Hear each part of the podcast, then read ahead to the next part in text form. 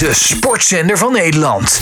Dit is All Sports Radio. Volgend jaar zullen de Olympische Spelen in Parijs plaatsvinden. En de World Union of Olympic Cities heeft afgelopen maandag een bijeenkomst in Parijs georganiseerd. Waarbij alle Olympische Spelen aanwe steden aanwezig zijn. Vanaf vandaag tot en met vrijdag staat er dus nog wat moois op het programma. Dan staat het namelijk Amsterdam op het programma.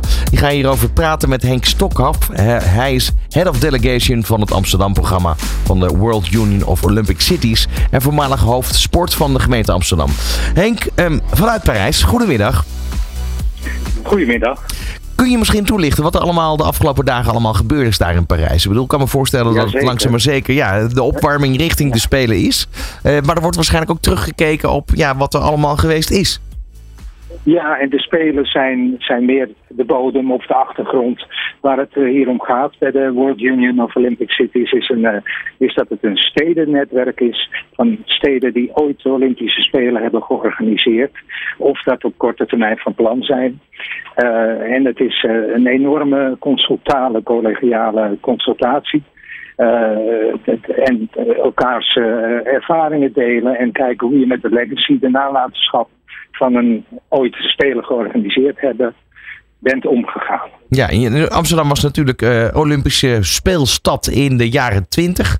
Dat is al uh, ja, gewoon bijna 100 jaar geleden zeg. Ja, ja. We zijn op weg naar onze de 100 Year Celebration, uh, zo heet dat hier. Dat is ook natuurlijk, dat zou een enorm groot evenement moeten worden. Ook niet zoals de Spelen zelf, maar wel om een goede herinnering neer te zetten en kijken hoe sport zich na de Olympische Spelen in Amsterdam heeft ontwikkeld. Ik zeg altijd, de Olympische Spelen in Amsterdam waren in zwart-wit.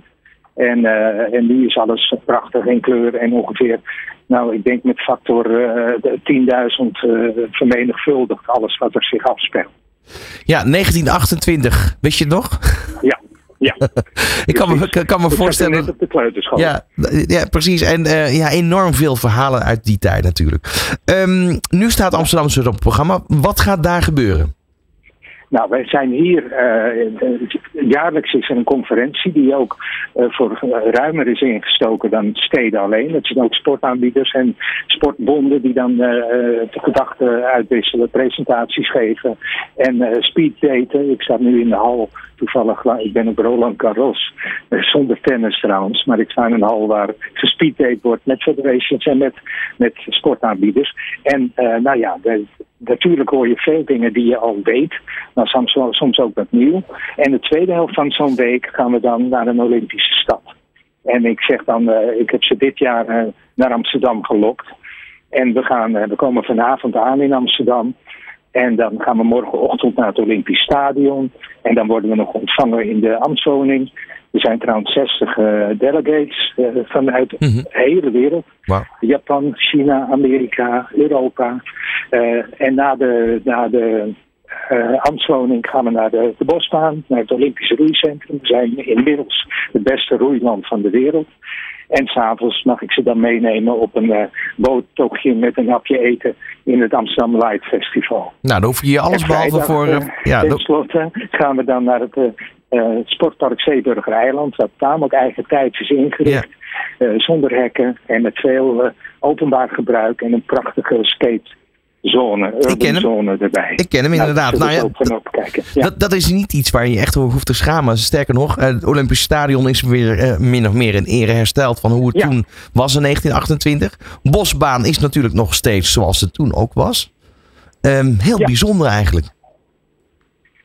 Ik bedoel, er zijn, sorry? Heel bijzonder eigenlijk. Er zijn ook steden waar, waar eigenlijk de Olympische faciliteiten meer of meer verwaarloosd zijn.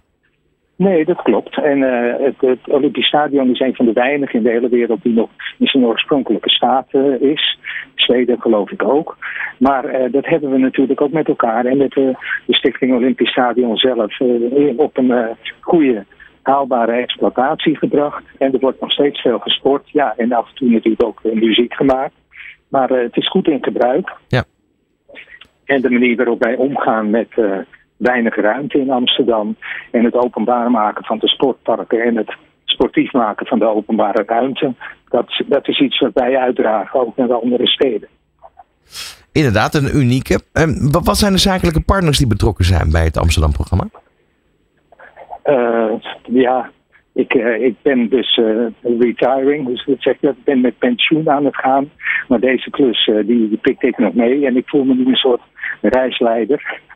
want ik ben bezig met boten, bussen, restaurants en hotels. Ja, want het Apollo dus, Hotel, daar, daar, daar slaapt iedereen? Ja, in het Apollo Hotel. En dat wordt deels, grotendeels betaald door de, de Union zelf vanuit de, de, de, contributie die ze van al die steden krijgen. Nou, niet alle steden gaan mee, dus dan is er uh, genoeg geld om die hotels te betalen. En wij staan aan de lat voor de bussen en de restaurants. Ja. En eigenlijk is het vrijdagmiddag alweer afgelopen.